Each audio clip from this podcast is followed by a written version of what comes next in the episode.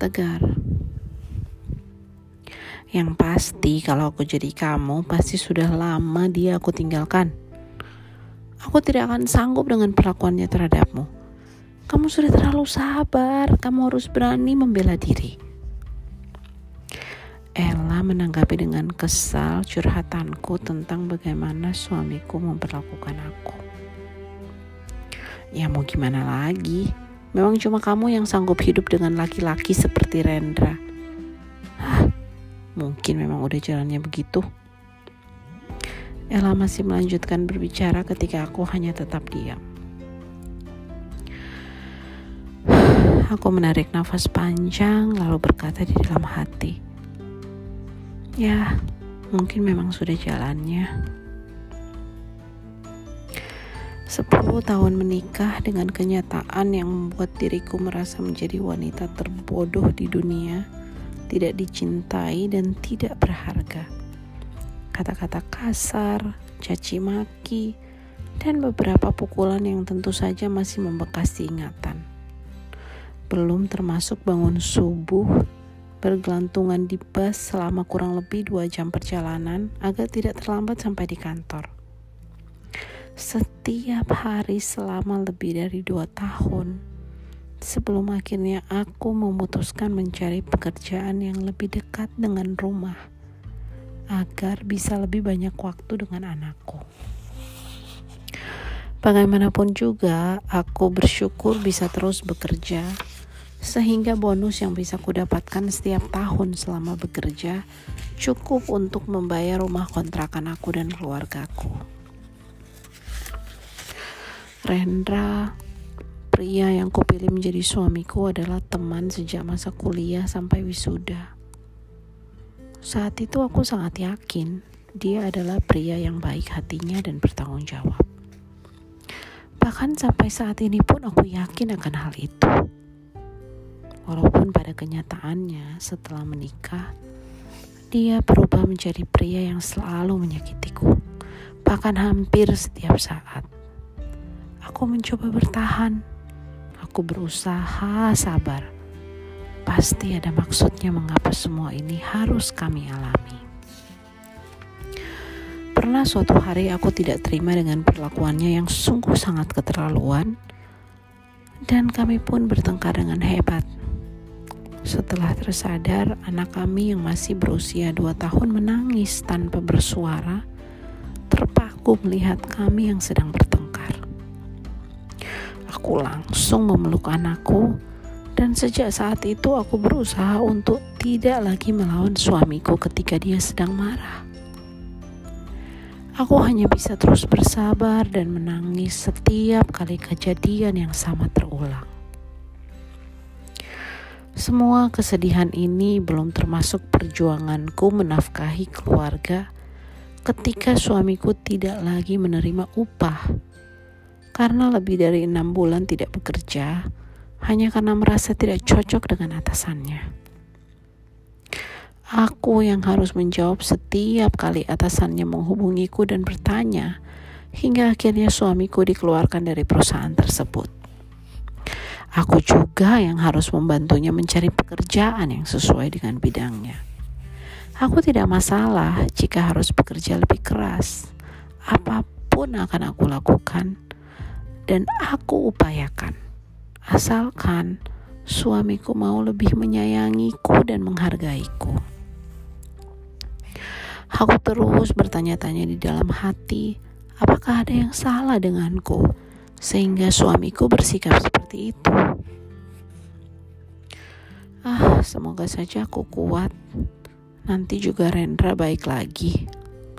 Begitu selalu kukuatkan hatiku dan mencoba bertahan menjalani hubungan pernikahan yang sangat menyedihkan ini. Aku tidak bahagia. Dep, Jordi demam. Kamu jam berapa sampai rumah? Rendra menelpon untuk memberitahu anak kami demam. Dari jam berapa demamnya? Muntah nggak? Diare? Aku bertanya kepada Rendra dengan nada yang mulai panik. Well, sebagai ibu bekerja, anak sakit adalah hal yang paling aku takutkan. Segera aku mempersiapkan diri untuk pulang setelah Rendra menjawab baru saja anak kami Jordi muntah-muntah. Syukurlah aku langsung diberi izin pulang lebih cepat oleh atasanku. Thanks God. Jordi sayang, ini mama nak. Mama sudah pulang. Segera aku mendapatkan anakku sesampainya di rumah. Jordi tampak sangat lemah Aku mulai menahan diri agar kuat dan tidak menangis. Suamiku akhirnya diam dan tanpa berkata apa pun lagi, akhirnya dia bersedia mengantarkan kami ke rumah sakit. Walaupun beberapa saat sebelumnya kami masih saja bertengkar karena Rendra menanyakan siapa yang akan menanggung biaya pengobatan ketika aku memintanya untuk segera membawa Jordi ke rumah sakit. Dalam perjalanan, aku terus berdoa agar anakku diberi kesembuhan. Bagaimana anak saya, dokter? Saya menanyakan hasil pemeriksaan anak saya kepada dokter di rumah sakit. Anak ibu mengalami infeksi di bagian pencernaannya, sehingga perlu untuk dirawat di rumah sakit. Dokter berkata, "Apakah anak saya akan baik-baik saja, dokter?" Tanya saya lagi. Memang ini sakit yang biasa terjadi pada anak-anak seusia Jordi karena dia mulai banyak beraktivitas menggunakan tangannya dan mungkin memasukkan tangannya ke mulut tanpa dicuci terlebih dahulu. Ibu tidak perlu khawatir ya, semoga anak ibu cek cepat sembuh. Dokter mencoba menenangkanku. Dengan segera aku mengurus semua administrasi agar anakku mendapat ruang perawatan yang terbaik. Aku cukup beruntung karena perusahaan tempatku bekerja menjamin perawatan aku dan keluargaku sekiranya kami harus dirawat di rumah sakit. Rendra menemani anakku ketika aku mengurus semua administrasinya. Di ruang perawatan Jordi tidak banyak percakapan di antara kami. Baik aku maupun Rendra terus saja memperhatikan anak kami yang akhirnya tertidur pula setelah diinfus dan diberikan obat. Aku terharu melihat seorang Rendra yang berbeda dari biasanya ketika dia memegang tangan anak kami. Aku kenal wajah itu. Wajah dengan jiwa yang rapuh tetapi penuh kasih sayang wajah yang sama yang dulu mengajak aku menikah. Tatapan yang tajam tetapi tersirat kekhawatiran apakah aku akan menerima dia atau tidak. Masih terus ku ingat kata-kata itu ketika Rendra melamarku. Aku tidak bisa janji kamu akan selalu bahagia denganku.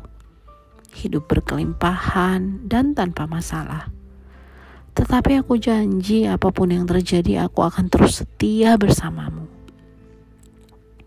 Cepat-cepat kuseka air mata yang mengalir pelan di pipiku. Dalam hati aku berdoa, Tuhan, aku suka Rendra yang itu. Jordi sudah tidur. Kamu istirahat ya. Rendra tiba-tiba menghampiriku setelah dia mencium dahi anak kami. Hampir jam 11 malam ketika Rendra pamit untuk pulang beristirahat di rumah. Aku mengangguk mengiyakan, meskipun di dalam hati aku sangat berharap dia akan menemaniku merawat anak kami di rumah sakit. Hati-hati di jalan pulang, aku berkata kepada Rendra. Dia mengangguk dan bahkan mencium keningku sebelum akhirnya berlalu di balik pintu ruang perawatan anakku. Hmm, andai saja dia bisa terus baik seperti ini. Aku tersenyum di dalam hati, bersyukur malam ini kami tidak bertengkar. Aku juga bersyukur anakku akhirnya mendapatkan perawatan setelah muntah sampai 11 kali. Dan tentunya aku bersyukur atas jaminan biaya pengobatan dari kantorku. Terima kasih Tuhan untuk hari ini. Wah, kalau makannya terus seperti ini dan tidak muntah lagi, Jordi sudah bisa pulang besok. Kata dokter di hari keempat Jordi dirawat. Amin dokter, terima kasih atas perhatiannya. Aku membalas pernyataan dokter yang sungguh membuatku gembira. Keesokan harinya, Jordi sudah dua kali 24 jam tidak demam dan juga tidak muntah lagi. Makannya sudah lebih baik. Segera aku memberitahu suamiku untuk datang ke rumah sakit menemani Jordi karena aku harus mengurus seluruh keperluan administrasi. Yes, terima kasih Tuhan, anakku bisa pulang dari rumah sakit. Aku sangat bersyukur. Berbagai peristiwa terjadi menjadikanku lebih kuat dan tegar menghadapi setiap persoalan hidup. Aku memutuskan untuk belajar lebih mengasihi Rendra, baik ataupun tidak baik perlakuannya. Aku memilih untuk tetap menjalani pernikahan ini karena aku sadar sebagai seorang istri dan juga seorang ibu, aku harus bisa menjadi tempat teraman dan ternyaman baik bagi suami maupun bagi anakku. Meskipun Rendra masih sering marah-marah dan belum bertekun dalam pekerjaannya, dia tetap suamiku dan ayah dari anak kami. Aku akan terus berdoa untuknya, dan aku akan membuktikan kepada Rendra bahwa pilihanku untuk mendampingi dia sebagai suamiku tidak akan pernah aku sesali. Dan aku berharap suatu saat nanti Rendra akan berubah. Dan ketika saat itu tiba, aku yakin saat itu akan tiba. Di mana aku akan menjadi wanita yang paling bahagia di dunia ini. Semua jerih payahku untuk bertahan dan bersabar tidak sia-sia dan bahwa janjiku kepada Tuhanku untuk belajar menjadi istri yang setia dan ibu yang terbaik untuk anakku dapat aku laksanakan. Aku bukan siapa-siapa, sama sekali bukan yang terkuat. Aku hanyalah satu di antara sekian banyak wanita yang mau belajar menerima setiap persoalan dengan berbesar hati dan berusaha mencari jalan keluar atas persoalan yang dihadapi. Aku mungkin juga kamu.